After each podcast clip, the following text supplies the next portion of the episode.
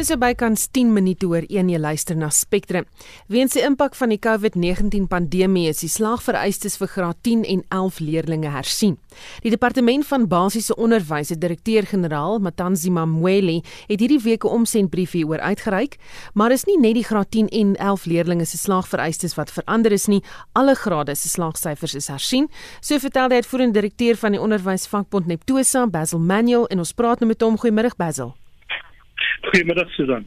Op watter manier is die slagvereistes eh, van die graad 10s en 11s, eh, maar ook ander leerders van ander grade aangepas of eerder leerdlinge? Susan, dis natuurlik moet ons aanvaar dat dit noodsaaklik was. Dis die eerste punt.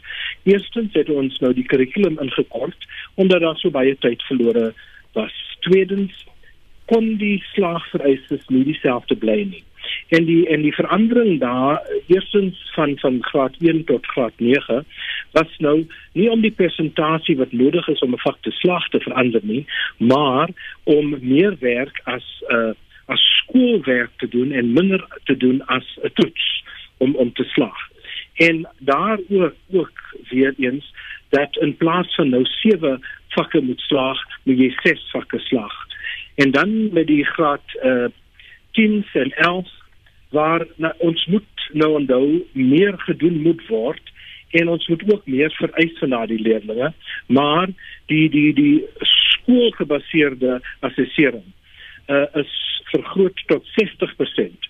Voorheen was dit nou 25 tot 40%. En dan is die toets toetse wat die kinders sou wel gaan skryf nie meer ehm uh, uh toetse wat saamgestel word in die provinsies nie maar maar liewer op skool gestel is dan is dit net uitig uh, totaal van 40%. So dit verander baie goed. En die rede daarvoor en waarom Natose dit gesien het is omdat verskillende skole uh verskillende vereistes of verskillende doele beliewer behaal het sekere skole is glad nie geaffekteer nie omdat hulle kon voortgaan met die onderwys. Ander skole het bykans 60 tot 70% van hulle jaar verloor. En daarom kon dit nie bly soos dit gewees het nie. Dink jy dit kan na 'n verlaging van standaarde lei? Dit is nou 'n uh, 'n opinie wat baie mense hou, maar ek wil daarom sê, kyk ons weet baie gaan uitgemis word in hierdie toetse. Baie gaan uitgemis word in in die in die klasgebaseerde toetse en in die hele jaar gaan daar baie goed is wat ons nie kon gedaan kry nie. Maar as ons nou kyk hoe ons met die 2021 syllabus werk en wat ons daar probeer invoeg, dan sê ek dit lyk vandag asof daar 'n verlaging gaan wees. Maar as ons daarby bly dat ons hierdie goed in die 2021 syllabus invoer, dan sal ons dit opvang in die volgende jaar. Dan onderwysers wat aan onderliggende siektes ly, moet hulle nou terugkeer skool toe en of by wie berus hierdie besluit?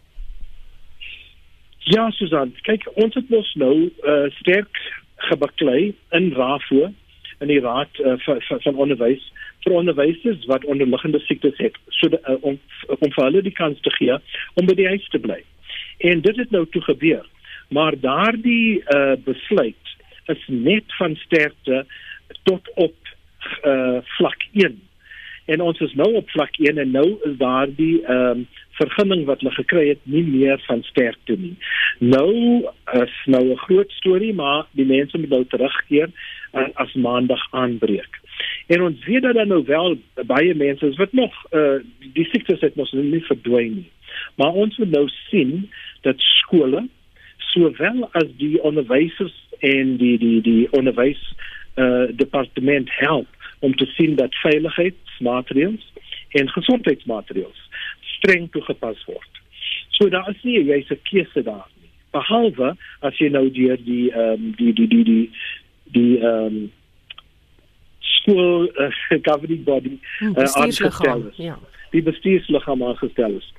uh, daar kan jy miskien met die bestuursliggaam praat, maar ons weet dat daardie bestuursliggame ook moeilikheid het. Hulle het groot moeilikheid want die skoolfooie het nou nie ingekom soos dit moes nie en ek glo nie hulle kan dit bekostig om mense by die huis laat bly terwyl ehm uh, daar klasse is wat uh, na gekyk moet word. So ons het nou gewen met met, met die feit dat mense nou wel af was maar nou moet mense nou terugkeer. Of elke ieder persoon kan terugkom, sal dit nou 'n storie is wat jy met jou dokter moet moet uitwerk en dan aansoek doen uh, om om verder by die huis te bly. Maar daardie aansoeke is natuurlik 'n siektes aansoek. En ek weet nie of dit in elke geval gaan werk nie, maar die oorgrootste meerderheid van onderwysers moet nou terugkeer skool toe. Baie dankie. Dit was Basil Manuel, die uitvoerende direkteur van die onderwysvakbond Neptosa.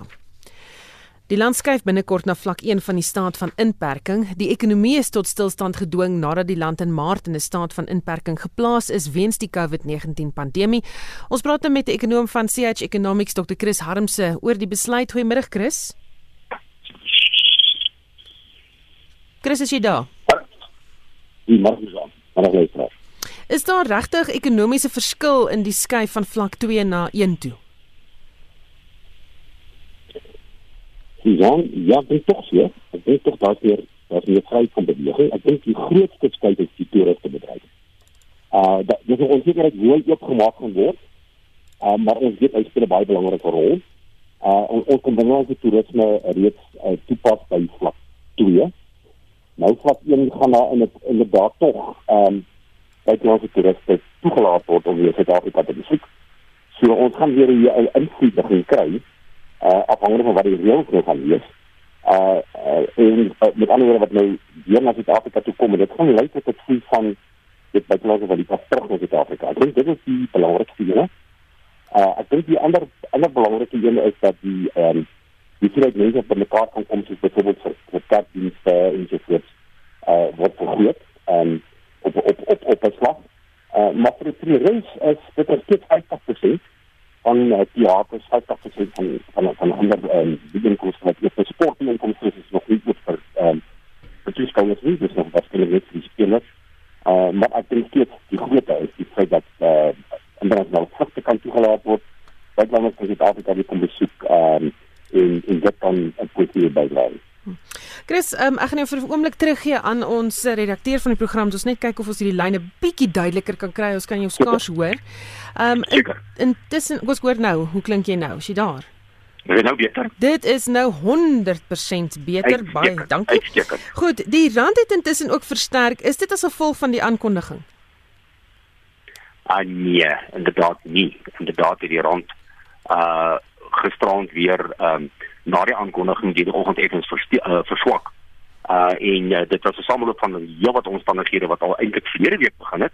Interessant genoeg, die dag nadat ons aangekondig het dat ons hierdie uh, werklike uh uh uh um, kommerwekkende swak ekonomiese groei gehad het, het die rand anders reageer en ons het gesien dat hy van vlakke van ongeveer R16.90 beweeg het na R16 uh so so so so, so laag as R16.28, R16.26 gister uh voor die aankondiging. Uh na die aankondiging het die rand inderdaad vandag uh alweer 12 sent swak. Vanweer presies dieselfde is meer buitelandse faktore wat 'n rol gespeel het. Uh ons het uh ook gesien dat uh, veral Amerikaanse beurse en die dollar bly onder druk. Um wat uh, komende lande gehelp het. Ons het ook gesien dat kommoditeitspryse soos uh, veral uh, uh goud en uh, platinum uh, oor die laaste tyd uh, sterk gestyg het. Uh en ons het ook gesien dat daar tog uh, aanduidings is dat van die Suid-Afrikaanse ekonomiese aanwysers begin verbeter. Byvoorbeeld ons het ons aankopebestuursindeks wat positief beweeg het. Mynbouproduksie en vervaardigingsproduksie seisoen aangesyfer vir die Julie maand het begin te styg. Uh en uh, so met ander woorde daar is tog tekens uh, dat daar 'n uh, terugbeweging is na normaliteit. En dit ek dink dit het meer die rand laat laat verstewig. Ons het ook gesien dat buitelanders het begin belangstel in Suid-Afrika se staatsefekte. Hulle het veral verlede week uh, redelik baie belê in ons in ons staatsefekte ons staatsefekte koers het gedaal tot die laagste vlak nog in 'n baie lang tyd. En dit beteken nie was 'n invloed van buitelandse kapitaal. Dit het was 'n koers, dis niemand wat op 'n bord skryf nie. Dit was 'n koers word bepaal deur vraag en aanbod uh, na valuta. Uh en so daar was baie ander faktore. En inteendeel na die aankondiging het ons gesien in sameloop weer eens met uh goud en uh die goudprys en die olieprys en ook die platinumprys wat uh deur die oggend jy begin te daal het die rand in in die waarheid eerder weer begin verswak. 'n uh, Groot aantal syfers is vroeër deur Statistiek Suid-Afrika bekend gemaak hoe sake daar staan. Dit is dus dan uh, ek wil amper sê mense moet dit met 'n klippie sout uh versigtig uh, na kyk. Uh in in teen konstante pryse het dit in Julie maand gedaal met 4,3%. Nou dis die laagste in die laaste 3 uh, maande uh wat die wat die daling was. Uh, maar wat interessant is, as jy mense nou gaan kyk na die seisoen aangesuiwerde uh syfer, uh wat ons vergelyk 'n jaar met 'n jaar terug. Uh dan het hy uh, gestyg met 10.2%. Met ander woorde, as dit nou sou aangaan vorentoe soos dit nou aangaan, in Julie maand dan gaan ons positiewe syfers begin te kry. En in die baie interessante een ook vir die 3 maande tot einde 2020 weer eens as ons om seisoen aan gaan uh, syfer. Die ander woorde asof as as 'n groot aantal syfers gaan gaan gaan gaan beweeg as hy nou beweeg, is dit 'n stygings van 6%. So hier is my duidelik groot aantal syfers uh kleinhandelsyfers, vervaardigingssyfers uh en mynbouproduksiesyfers. Dit vir my lyk dit vir my definitief 'n draaipunt gekry vanaf 'n baie lae vlak uh en dit begin weer te styg wat ek dink baie goed vir die ekonomie kan inhou. Sal dit impak hê op die Reserwebank se besluit oor rentekoerse vanmiddag en wat verwag jy gaan die Reserwebank doen? Goed, nee, ek dink nie hierdie gaan uh, alle invloed hê nie. Uh die Reserwebank kyk na die druk op inflasie. So nou moet ek vir jou sê wat ek dink die Reserwebank gaan doen en om te vir sê ek dink dat hy moet doen. Ek dink die Reserwebank gaan dieselfde hou. Hy is maar 'n bietjie bang vir risiko op die rand. Hy is 'n bietjie bang oor wat in die buiteland gebeur. Hy is 'n bietjie bang rondom uh, die probleme wat ons met uh, Eskom en die Suid-Afrikaanse lugdienste, lugdienste en ander staatsondernemings. Hy is bietjie bang oor die feit dat die staat se skuld so hoog en dat meer geld geleen moet word. So hulle is baie versigtig in die sogenaamde risiko's wat weer kan bydra dat die rand miskien kan vinnig verswak teen die einde van die jaar en dit druk op inflasie kan sit. En daarom kan ek nie verbaas wees as hulle na hierdie risiko's verwys vanmiddag en sê hulle gaan die rentekoerse uh dieselfde hou. Wat hulle eintlik moet doen is dat hulle moet hom verander en as ek dit sou kon doen met 500 basispunte en as ek gesny het kom met 50 basispunte gesny. En die rede is is voor die hand liggend. Nommer 1 die inflasiekoers op 3.2% op die oomblik. Hy is in die onderste punt van die van die van die van die mikpunte. Uh, as ons nou die rentekoerse verhoog, uh, ekskuus verlaag met 50 basispunte as gevolg van hierdie werklike krisis van ekonomiese groei, gaan dit nie so effek op die inflasie hê nie. Ons het nie koste druk inflasie nie, uh, ekskuus vraaginflasie nie. Dit gaan groot verligting in die ekonomie uh, bring en soos dan al styg die inflasiekoers na 5%. Ek wil amper sê soos Engels sê so what. Ek wil ek laat hom eerder gaan na 5% toe, en ek doen iets aan ekonomiese groei op hierdie stadium. Uh en uh, as mens die die twee gaan saamlees eintlik en ek hoop vir die fiskale monetêre beleid werk saam. As die die oopstelling van gisteraan behoort eintlik vanmiddag gepaard gegaan met 'n verlaging in die rentekoerse. Dan sal ek sê dat die twee eenhede saam. Ehm um, ek gaan amper amper voel vanmiddag as die monetêre beleid nie na die partytjie toe kom nie, het ons iets verloor hierso. Ek voel ons het 'n ideale geleentheid nou. Na gisteraan die oopmaak van die ekonomie en laat verlaag rentekoerse vandag. Dit kan 'n verskriklike positiewe effek op die ekonomie soos ons vorentoe gaan. Mense se skuldvlakke kan verlaag.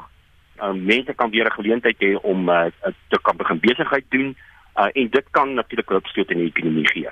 So ek hoop hulle sien dit so in. Ek is net bang dat hulle gaan maar weer uh sê hulle is bang vir risiko's vorentoe. Uh en die wisselkoers in die laaste plek, daardie rand met oor die 60 sent verstewig in die laaste maand of wat ek sien geen rede dat daar risiko's risiko's op die oomblik nie. So ek dink hulle moet ons sny en ons sny moet ons goed sny. Baie dankie. Dit was ekonom van CH Economics Dr. Chris Harmse. President Cyril Ramaphosa se aankondiging gisteraand dat die land se COVID-19 inperkingsmaatreëls na vlak 1 afgeskaal word, op 'n vraag oor die wyse waarop Suid-Afrikaners hulle self hiervoor voorberei het en hoe hulle hierop sal reageer. Professor Pieter Kreer van die Noordwes Universiteit se Instituut vir Sielkunde en Welstand is 'n kenner van menslike gedragspatrone. Ons praat nou met hom.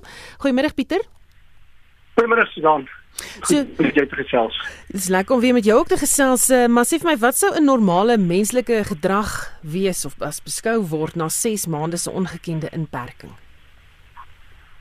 Ons sien tans 'n baie interessante reeks reaksies op die spektrum want dit blyk nou as ek net na ons kliënte basis kyk, daar's een groep op die spektrum wat voel uh, dit vlak 2 beteken of vlak 1 beteken ons is nou uit die moeilikheid uit en ons kan aangaan dis 'n besigheid soos gewoonlik en jy sien die ander kant van die spektrum wat half voel almal het nou daai houding ingeneem so nou moet jy eers versigtig wees want die risiko's blyk groter te wees. So dis baie interessant dis oor die hele spektrum versprei en daar's nie dink ek 'n uh, 'n kollektiewe tipe van reaksie wat ons hier sien met almal in een rigting begin neig nie. Hoe anders sal ouer mense se reaksie teenoor jonger Ehm um, ek dink dat die ouer mense wat ons sien, is hulle bewus van die feit dat hulle steeds 'n hoë risikogroep is. So ek dink dis daai verskriklike moeilike fase nou tussen net 'n klomp van die klein kinders vir 'n lang tyd nie gesien nie en baie van hulle was in self-isolasie vir 'n lang tyd gewees. So daai behoefte aan menslike kontak en om met familie in kontak te kom, maar aan die ander kant weer ook te weet met 'n klomp ander wat nou al verkeerde gaan of voel asof alles verby is besef hulle hulle steeds so 'n risikogroep en ek dink wat ek gesien het met met ons kliëntebasis daar's tog 'n mate van kommer onder die ouer mense nog steeds dat hulle is nog steeds nie uit die bosse uit nou of uit die woud uit nou nie. Hulle moet nog steeds redelik versigtig wees. Speel sielkundige teorieë soortgelyk aan byvoorbeeld die Stockholm sindroom ook 'n rol? Nou, en as dit dan baie af van die omstandighede wat binne jouself bevind. So daar's daar sekere goed ehm um, waar jy half kan gemaklik raak met die situasies soos wat dit was soos om in lockdown te wees, amper so sterk aangepas het by die nuwe normaal dat jy gaan versigtig wees om nou terug te gaan na dinge soos wat dit was. Maar ek dink dit kom amper weer terug na waar jy op die spektrum is. Ek dink die jong mense is so uitgehongerd vir sosiale interaksie en vir kontak dat ehm um, ek al kry al die idee dat hulle slyp hulle tande en kry hulle self reg vir groot partytjies en dan kry 'n bietjie van die ouer generasie wat alweer voel hier is nog steeds 'n groot risiko tydperk wat binne onsself bevind. So dit gaan interessant wees om te sien hoe die volgende paar weke uitspeel, maar wat vir my ehm um, uit observasie ook interessant was is daar's nie 'n eenparige ehm um, houding wat mense inneem hier rondom nie. Dit dit wissel nogal afhangende van omstandighede. Wat se raad sou jy aan mense gee wat voel asof hulle nou weer 'n sekere soort vryheid gaan ervaar terwyl daar steeds die moontlikheid is dat die inperkingsmaatreëls weer strenger kan raak as infeksiesyfers skerp styg? Wel, eerstens jou laaste punt is baie geldig want as jy kyk wat in Europa nou gebeur, ehm um, Engeland, die grootste deel van Europa, daar is daai daai tweede spike wat nou weer 'n keer verbykom. So ek dink dit is grootendeels toegeskryf aan die feit dat mense presies dit gedoen het. Hulle het teruggegaan na hulle lewe toe soos wat dit was. So ek dink dit is 'n fyn balans om te tref waar ek dink dit is belangrik mens moet uitkom, jy moet meer dinge begin doen. Jy kan nie ophou lewe nie, maar mens moet nog steeds daai redelike deel in jou hê wat gaan sê kom ons trek trek net die vorige die die nodige voorsorgmaatreëls om seker te maak ons bly maar nog steeds by van die basiese goed soos was jou hande moenie aan dinge vat nie draai jou masker uh, moenie um, uh weet onnodige blootstelling vir jouself gee nie. En ek dink as ons daai balans kan regkry ten minste vir die volgende paar maande in die somer in behoort ons hopelik oukei te wees vandag Baie dankie. Dit was professor Pieter Kreer van die Noordwes Universiteit se Instituut vir Sielkunde en Welstand Die verkoop van gedeeltes van die Edcon groep aan Retailability is gefinaliseer. Die verkoop sluit in die oordrag van 120 winkels en sowat 5200 werksgeleenthede wat behoue bly. Die voorstere ekonom van Galileo Capital sê dit is baie goeie nuus veral omdat die twee betrokke partye so vinnig 'n ooreenkoms kon bereik. Edgars het ernstige skuldprobleme opgetel. Edgars se probleem kom al eintlik die beste deel van 15 jaar aan, maar uiteindelik het die COVID dit op 'n punt gedruk wat Edgars net nie in sy huidige vorm weer kon deure oopmaak nie. So wat jy gekry het is dat hier in twee gevalle, eerstens sal jy onthou dat Foschini het basies die Jet winkels oorgeneem. Foschini het 300, ek dink 370 van die Jet winkels oorgeneem en Retailability het sowat 130 van die um Foschini winkels oorgeneem. Nou dis nie al die winkels nie, maar die goeie nuus is hierso, hierso is 'n klomp werkgeleenthede wat gespaar word wat in plek gehou word en hier is 'n klomp kom ons sê van die hure wat heronderhandel is maar waar daar ten minste winkels gaan wees. En ek dink ou moet baie mooi hierna kyk. Hierdie is soos die stelsel behoort te werk. As 'n maatskappy nie meer 'n haalbare finansiële model het nie, as 'n maatskappy nie werk nie, is dit juis die funksie van die stelsel om nuwe kopers, nuwe kapitaal, nuwe mense te kry en te kyk wat kan oorbly. So so maak jy seker dat die winkels hernie die huurkontrakte hernie, die mense kry werk, maar dis die tipe van momentum wat 'n mens graag wou sien. So ek weet, hier's 'n klomp mense wat wel hulle werk verloor het. Die maatskappy was nie finansiëel haalbaar nie, maar ten minste is hier 'n kern van die besigheid wat gaan voortgaan en hier's 'n hele paar duisend mense wat uiteindelik hulle werke gaan behou. Hulle gaan steeds vir die maatskappy werk alhoewel die eienaars anders lyk, die kapitaal lyk anders en 'n mens hoop net dat hierdie weer uh, kom ons sê 'n groeiperiode vir hierdie handelsmerke gaan inhou. Hoekom verskil hierdie van byvoorbeeld wat met SAL gebeur? Hoekom sloer SAL so? Ek dink die probleem met SAL gaan oor aandeelhouer. Die aandeelhouer wil nie regtig dat die suiwer kommersiële besluite geneem word nie, want 'n suiwer kommersiële besluit gaan beteken dat daar pyn gevat word. Byvoorbeeld as jy hierna kyk na die oorneem van die jetwinkels. Daar was 650 jetwinkels, daar gaan net 370 oorbly. Maar dis nie 370 wat finansiëel haalbaar is en waarvan jy 'n nuwe groeiprojek sal sien. Die probleem met SAL kom terug na die aandeelhouer. Ek dink jy 'n aandeelhouer wat ideologies vasgevang is in die beginsel van daar moet 'n sekere tipe van nasionale lugredery wees en dit is dit raak op die einde 'n projek in terme van meer gaan dit oor die prestige van die lugredery as die finansiële volhoubaarheid en natuurlik aan die ander kant staan die belastingbetaler in in in moes al miljarde der miljarde rande insit. So die verskil hierso is hier was 'n klomp aandeelhouers wat gesê het en skuldeisers wat gesê het kom ons kry die ding uit uit die hele sakeredingspraktyk. Kom ons kry 'n maatskappy wat voortgaan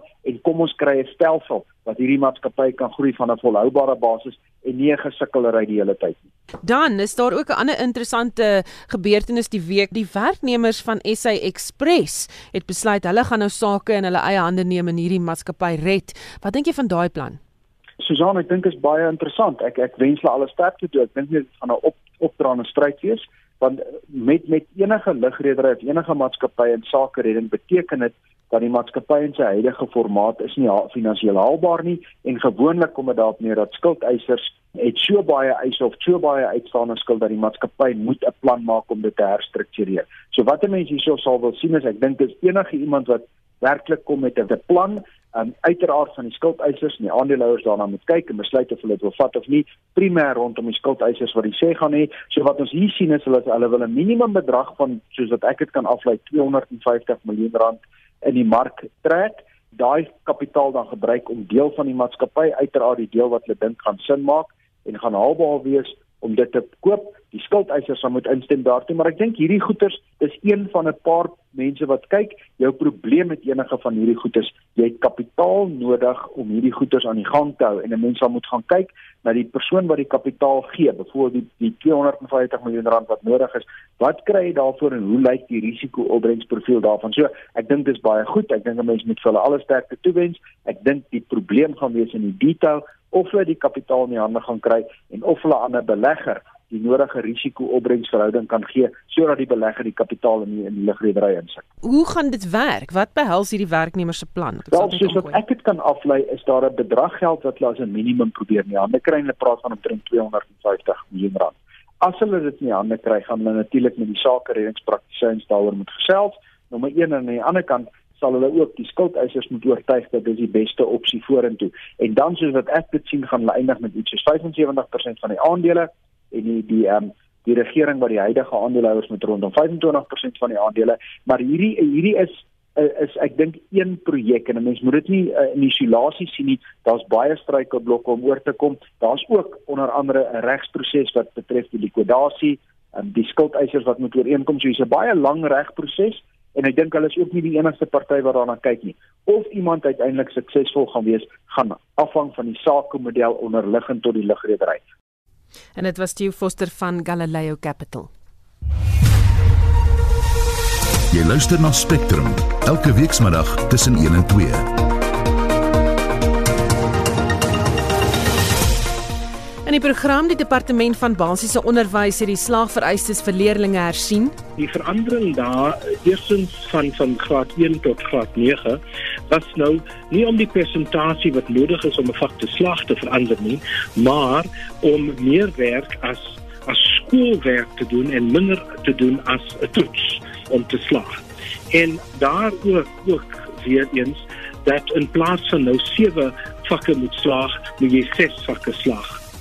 Japan het 'n nuwe eerste minister. Ons praat hier oor met Gert Grobler wat vir 4 jaar lank Suid-Afrika se ambassadeur in Tokio was. En 'n dokumentêr fokus op die rol van die LGBTQI gemeenskap tydens die Feast Must Fall beweging. the world looking at us and going, okay, you're the leaders. These young people are leading revolutionary debates. Onthou vorige uitsendings en vandag se program is beskikbaar op potgooi gaan net na rsg.co.za. Ons gaan goeie draai op die sportveld met Shaun Jooste. Ons begin met golfnuus. Onthou gerus dat die 120ste Amerikaanse Ope kort voor 1 by Wingfoot in New York afgeslaan het. Die Suid-Afrikaners Erik van Rooyen en JC Ritchie se eerste ronde het reeds begin. Daar is sewe Suid-Afrikaners wat deelneem. Die plaaslike Gary Woodland is die verdedigende kampioen. Op die tennisbaan in die tweede ronde van die Meesterstoernooi in Rome in die mansafdeling speel Milos Raonic van Kanada nou teen Dusan Lajovic van Servië en die plaaslike Fabio Fognini later teen die Fransman Hugo Humbert. In die vroue afdeling met die Spanjaard Garbine Muguruza nou teen die Amerikaner Coco Gauff en Victoria Azarenka van Belarus later vanaand teen nog Amerikaner Sofia Kenin kragte. Laastens in sokkernuus. DS Galaxy het bevestig dat hulle Highlands Park se PSL status gekoop het. Hulle sal al hul PSL wedstryde van die 2020-21 seisoen by die Mbombela Stadion in Nelspruit speel. Hulle Glad Africa Kampioenskap status is terug aan Cape Town All Stars verkoop. Vanaand se wedstryde in die Liga beker waarin Premier Liga spanne betrokke is, is half 7 Burnley teen Sheffield United, 8uur Wolves teen Stoke City en kwart voor 9 Brighton and Hove Albion teen Portsmouth. Crystal Palace, Leeds United en Southampton is vroeër die week reeds uitgeskakel. En dit was Shaun Jooste van RSG Sport. Japanse parlement het gister met 'n oorgrootste meerderheid vir Yoshihide Suga as eerste minister aangewys. Dit volg nadat sy voorganger Shinzo Abe weens gesondheidsredes uit die ampt getree het. En ons praat met Gert Grobler wat vir 4 jaar lank Suid-Afrika se ambassadeur in Tokio was. Grobler besoek nog jaarliks Tokio en het by een van hierdie geleenthede self vir Suga ontmoet. Goeiemiddag Gert. Goeiemiddag Susan. Sê vir my wie is Suga? Wat is sy agtergrond? Dit is interessant. Suga is 'n plaasseun. Hy kom daar uit die platteland van Japan. En dis as mens nou maar vergelyk met baie van die ander eerste ministers, hulle kom almal uit 'n blou bloed Japannese politieke families. Hy's 'n plaasseun wat in baie jare terug, hy's 71, het hy begin in die politiek. Hy was sy hele lewe in die politiek gewees tot hy in 1996 is hy toe as 'n lid van die parlement verkies en hy het natuurlik vir hom opgewerk. Hy was altyd bekend gewees as 'n baie harde werker, baie toegewyd en hy het hom opgewerk tot die regterhand, eintlik die regterhand van Abe as die hulle noem die kabinetsekretaris, die seker naas die eerste minister, die belangrikste politieke pos in in in die in die Japaneese politiek. Jy het hom ook self al ontmoet. Wat was jou indrukke? Ek was baie beïndruk. Uh ek onthou uh ek het by verskeie geleenthede met hom gepraat as ons nou hoë vlak besoeke gekry het. En uh soos ek sê, hy hy hy was ontsettend toegewyd. Hy was 'n ontsettende harde werker. Ek weet nie hy het voor 10 uur 11 uur in die aand by hy huis toe gegaan. Uh so hy dit was vir my geen verrassing gewees toe ek hoor dat hy verkies sou word nie en hy behoort ook nie aan 'n faksie nie. Hy's oor die algemeen as jy kyk na die uitslag gister is hy oorweldigend uitlik verkies deur die die die die, die politici en uh, die parlementariërs en kanke. Wat sal sy prioriteite vir sy regering wees? Wel hy het klaar gesê dat hy gaan kontinuïteit verskaf. Hy gaan basies die goed doen wat AB uh nagestreef het. Die eerste natuurlik is nou die pandemie. Hulle sukkel op op nog steeds met die pandemie alhoewel met 'n bevolking van 126 miljoen het hulle slegs 77000 gevalle en omtrent 1500 sterfgevalle. Maar die pandemie het steeds 'n negatiewe uitwerking op hulle ekonomie. So die die die, die, die stimulering van die ekonomie gaan seker sy grootste grootste prioriteit wees En dan natuurlik ehm uh, is daar op buitelandse terrein is daar goed soos die eilande waar hulle dispute het met die Russe asook met die Chinese. Uh en dis ook nie opgelos nie. So hy sal daarna wil kyk en dan is daar 'n ander baie belangrike ding is die wysiging van artikel 9 van hulle grondwet. Nou artikel 9 van die grondwet sê basies Japan nooit weer mag oorlog maak nie. Nooit weer oorlog mag op klaar nie.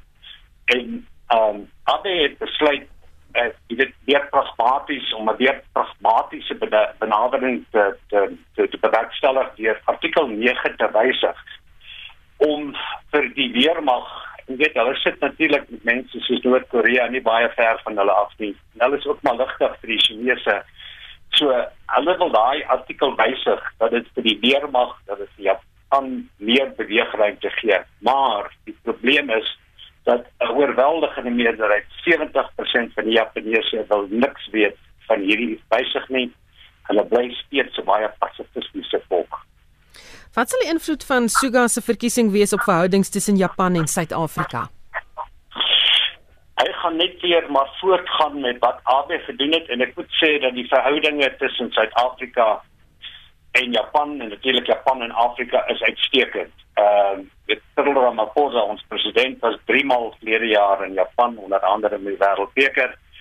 Eh uh, so eh uh, hulle is ontsettend sterk verbind die Japaneese tot tot hulle verhouding met Suid-Afrika en Afrika. En eh uh, uh, ek het verneem dat eh uh, met die opkomende eh uh, investeringskonferensie wat president Ramaphosa gehou in November dat daar groot aankondigings gaan kom van van sommige van die van die Japaneese maatskappye veral in die motorbedryf groot nuwe beleggings wat hulle in Suid-Afrika gaan gaan gaan doen. En natuurlik in Afrika word hulle verhoudinge is, is die meganisme wat hulle daar gebruik is die sogenaamde TICAD meganisme dis die Tokyo International Conference on African Development. Hulle spandeer baie geld in Afrika. Hulle doen baie baie handel met Afrika en as groot beleggings hulle help met wetenskap en tegnologie. Hulle help met die produktiwiteit van landbou op die Afrika op al op, op ons kontinent. So die verhoudinge is uitstekend en dit gaan onder Suga glad nie verander nie. Hy sal net voortbou op wat wat AB gedoen het. Baie dankie en dit was Gers Grobler, 'n voormaligste Afrikaanse ambassadeur in Japan en ook deesdae 'n navorsingsgenoot by die Zhejiang Universiteit in China. Een van die sektore wat baie skade gelei het onder die staat van inperking as gevolg van die COVID-19 pandemie is die toerisme sektor. En ons praat nou met professor Elmarie Slabber, direkteur van die skool van toerismebestuur of TRIS aan die Noordwes Universiteit. Goeiemôre Elmarie. Goeiemôre Suzan. Weet ons al wat behels die oopmaak van die grense vir die toerismebedryf wat betref reëls, regulasies, beperkings? Ja, jy weet ons het aan die afkondiging van wat ons nou gehoor het is is positief vir die toerismebedryf, maar inderdaad is daar nog beperkings. Jy weet ons het regtig net gewag vir die grense om oop te maak, maar dit is nou nie so oop jy weet dat die toeriste kan toestroom nie. So inderdaad is daar is daar nog beperkings wat vir ons voorlê. Is dit betyds om die toerisme sektor in die land te red? Jong, ongelukkig het dit seker nie vinnig genoeg gekom nie want daar was reeds soveel verliese en daar was besighede wat reeds hulle deure gesluit het. Ek dink die grootste taak nou is om hierdie toerismebedryf weer van voor af op te bou en seker te maak weer dat die, die besighede wat tans aan die gang is, weer suksesvol kan wees, dat daar dalk nuwe besighede kan oopmaak, maar ehm um, ja, dit was daar was baie skare. Dit is so. Is daar statistiek beskikbaar oor hoe groot deel buitelandse toerisme uitmaak van die totale toerisme sektor? Ja, jy weet ongeveer oor die ek dink so 54% van ons internasionale besoekers of is internasionale besoekers wat kom om in Suid-Afrika te kom te kom ontspan en dit gaan natuurlik dan ook gepaard met 'n groot um, spandering wat op hierdie stadium vir ons 'n verlies is. En daarom is die oopmaak van die van die grense vir ons, jy weet, 'n baie positiewe teken. Ehm um, maar ons het egter ook nou besef dat Suid-Afrika steeds op die rooi lys by van ons baie belangrike markte soos Frankryk en Duitsland en so aan. So dit beteken dat indien daardie toeriste na Suid-Afrika toe reis, hulle sal hier um, kan rondreis, maar hulle sal dan terug beweeg gaan hulle weer onder self-quarantaine wees in hulle eie land. En natuurlik Susan kan dit mense ontmoedig om Suid-Afrika, jy weet, te kan kom besoek. Dit hoef my amper voorkom asof asof daardie lande nie na Suid-Afrika se getalle in isolasie kyk nie, maar ook die getalle die infeksie getalle van die die ehm um, die lande rondom ons ook in ag neem. Ehm um, so jy weet Afrika moet amper kyk hoe ons hoe ons toerisme weer na vore neem, nie net Suid-Afrika, jy weet, soos dit nou is nie. Baie dankie. Dit was professor Elmarie Slabber, direkteur van die skool van toerismebestuur of TRIS aan die Noordwes Universiteit. Familie en vriende van die menseregte advokaat George Bizos het vroeër vandag in die Griekse Ortodokse Kathedraal in Wolmaranstraat in Johannesburg van hom afskeid geneem. Hy is verlede week op 92 jaar oorlede. Kollega Hendrik Weingart het die verrigtinge gevolg en uh, ons praat nou met hom, Hendrik. Ja, Susan, onder die hooggeplaastes wat die spesiale amptelike begrafnis bygewoon het, was president Cyril Ramaphosa, oud-president Kgalema Motlanthe, lede van die diplomatieke korps onder wie die ambassadeur van Griekeland, asook die afgetrede regter Digang Motseneke. Die minister van internasionale verhoudinge en samewerking, Dr Naledi Pandor, het as programleier opgetree. In sy huldeblyk het een van Bizos se seuns, Alexie, namens homself, sy twee broers en die res van die familie oor sy pa se kinder- en jongmansdae gepraat. Dit sluit in sy verwysing na 'n stuk politieke geskiedenis van Griekse families se vroeë koms na Suid-Afrika. The pro-Nazi Asava Brankvak were angry that Jan Smuts was bringing the fail goed or the rubbish of Europe to South Africa. Unable to speak English or Afrikaans, George worked as a shop assistant in Johannesburg until a teacher recognized him, the teacher Cecilia Feinstein, as the refugee mentioned in a newspaper and insisted that George start at Melbourne Junior High the next day. George later matriculated from Atherton Boys. From 1948, he studied for a BA LLB at Wits, where he became politically active and served on the SRC. George married our mother, Aretid Daflos, a Johannesburg born art student from a Greek family. They were married for over 60 years until she passed away in 2017. Sprekers het verder vertel van die velerlei politieke figure onder wie oud-president Nelson Mandela, die Biko familie en slagoffers van die Marikana slagting in 2012 wat deur Bezos verteenwoordig is. Hier is 'n klankgreep uit president Ramaphosa se huldeblyk wat Bezos se nalatenskap as regsman beklemtoon. He was on the right side of history. When the democratic government fell short of its obligations, or when big business abused its power, he and his colleagues acted on behalf of the vulnerable. For him, the struggle did not end with democracy, but would only end when every man, every woman, and every child in our country enjoys the rights promised to them in the Constitution. We do owe it to his legacy to finish the business that George started. The injustices that happened under the death squads, detentions under apartheid, must still all be laid bare. And the dignity of those who still do not know what happened to their loved ones still needs to be restored. The law must continue to be an instrument of protection for the most vulnerable of our citizens, be it against individuals, businesses, or the state. Advokaat George Bizos word nou na die diens in regstreeks in mense kan dit ook sien in die regstreekse televisie uitsendings in die Wespark begrafplaas hier in Johannesburg ter ruste gelê. Born a Greek, stateless for 31 years. Yet becoming a proud patriot and South African citizen, some say a hero. He died a South African and a Greek, but above all, a human being. On a lighter note, when asked who he'd support in a soccer match between South Africa and Greece, he would say he hoped it was a draw. Hamba Gatle, Dad, may you rest in eternal peace with our mother at your last resting place. Ionia Tisimnini, may his memory be eternal. Thank you. En dit was dan 'n finale boodskap van Alexi Bizos in sy huldeblyk waarmee hy George Bizos as Griek en Suid-Afrikaner roerend uitgebeeld het. En dit was kollega Heinrich Weingart wat vir ons daardie verrigtinge dophou. Die dokumentêr The Art of Fallism praat of plaas die vergrootglas op belangrike kwessies binne die plaaslike LGBTQI gemeenskap. Dit wys hierdie week vir die eerste keer in Suid-Afrika by die Durban Internasionale Rolprentfees. Die kreatiewe vervaardiger, Wesal Abrams, het vir Anne Marie Jansen van Vieren vertel dat dit twee Noorse rolprentmakers se idee was om 'n dokkie oor die Fees Must Fall beweging te maak. Filmmakers uit Noorweer het die Rhodes Must Fall beweging aanlyn gevolg en wou hierdie gesprekke na Noorweer bring.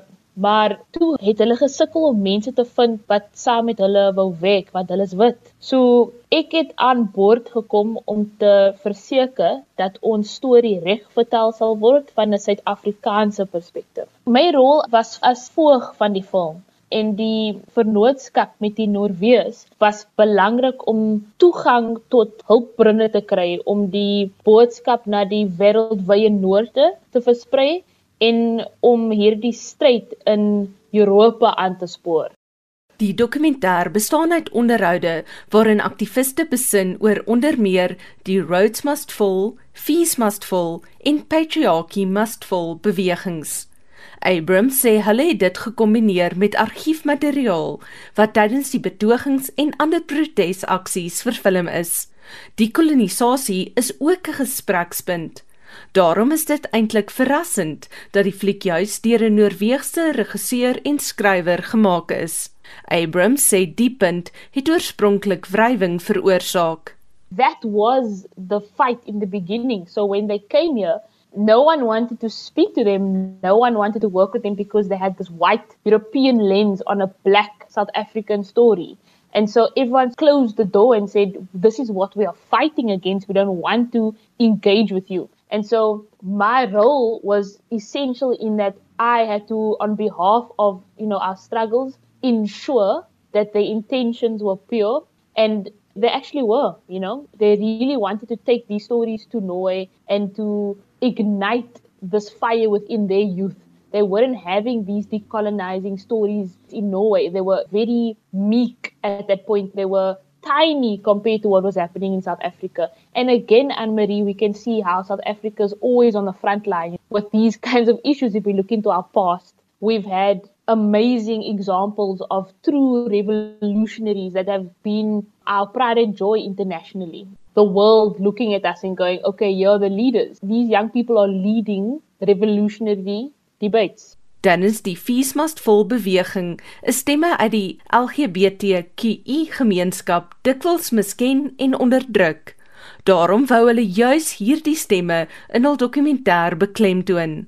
If we are going to approach any issue excluding the LGBTQIA discussion and ignoring race and gender and how they intersect is going to be to our detriment. We actually need to ask the question who is not here? when we talk about revolution, whose voice, whose struggle is not being shown here. If we don't do that, then we actually we're shooting ourselves in the foot because we are by virtue creating exclusion. And this particular movement at some point was being overshadowed by the hyper masculine voice as we see in all facets of society that happens, this patriarchal lens on how life should be. And I think going into the future, we want to create a society where we question this norm and we question the issue around voice and representation. Theaterfolism is vir die eerste keer in Bergen, Noorwe vertoon. Daarna is dit by Cinema Giel in Parys gewys voordat dit sy Noord-Amerikaanse premier by die Hot Dogs rolprentfees in Toronto, Kanada gehad het. Volgens Abrams is dit een van die grootste dokumentêre rolprentfeeste ter wêreld. The African premieres Durban International Festival. We're very proud of that. And now it's currently going to the London Film Fringe Festival. It will be going to the Sao Paulo Festival in Brazil next month. So it really is just going all over the world at this point and that's what we wanted and I think that was the beauty in our process with this allyship that we created between the Norwegian team we couldn't have done it, I think, without interrogating deeply each other's intentions and cultures and finding a way to work together so that we can take on the world together and not be isolated in our intentions. Met die dat die Durban Filmfees aanlyn gevolg kan word, het mense van oral oor al die week na die dokumentêr gekyk. Abrams sê dit het gemengde gevoelens by Suid-Afrikaners ontlok. It either brings up a lot of anger towards the generation that experienced apartheid, whether they sit on the side of colored, black, white. There's a bit of resentment towards the entitlement that people assume comes with asking for things of the next generation. And I think also in Cape Town, within the students and the activists who are part of this community and this revolution, there's a lot of post traumatic stress disorder that's happening and recovery around this battle that in many ways wasn't won, so to speak. Like there were many celebrations and many things that were changed because of this movement, but in many ways it felt as if, you know, the government just stubbed this voice of the young activists and artists. And so there's a lot of resentment that still lies in that arena around being heard in terms of our leadership within our broader country. I don't think we actually have leadership in our country right now that is able to hold the brilliance and the fire and the anger of our youth at this moment in time.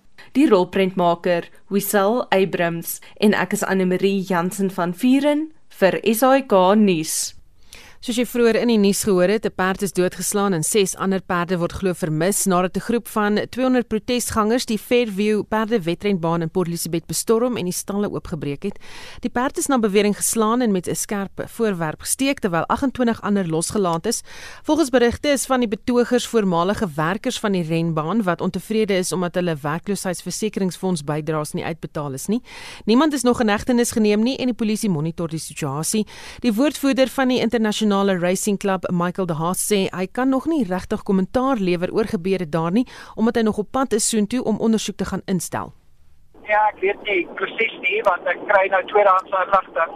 Maar soos ek die ding verstaan het, mense by die stal het gekom en die uh, perde laat gaan en hulle is weggejaag en toe vang hulle al die perde en dit lyk my nou het hulle weer gekom en die, terwyl die polisie daar is en hulle die perde aangeraan, hulle het 'n perd doodgemaak. Ek het nou aantuigings gehoor van daar's vier perde dood. Hulle die perde se bene getaak hierdie om te seker maak dat hulle nie weer reis nie.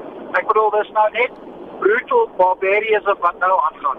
Ek sê ek is nie daar nie. Ek kry al die inligting tweedehands. Goed, maar jy is op pad soontoe om om te gaan kyk en te hoor wat presies die probleem is. Presies. En dit was die woordvoerder van die International Racing Club Michael De Haast. Onthou Spectrum Monitor naweek aktueel kommentaar en finansiële fokus is beskikbaar op Potgooi gaan net na die RSG webblad is rsg.co.za. Jy kan ons ook volg op Twitter by mondspek1 of op facebook.com vorentoeskynstreep ZARSG. Ons groet namens ons waarnemende uitvoerende regisseur Hendrik Martin, die redakteur Jan Estreisen en produksieregisseur vandag Frikkie Wallis. Ons medewerkers was Heinrich Weingart en Anne Marie Jansen van Vieren.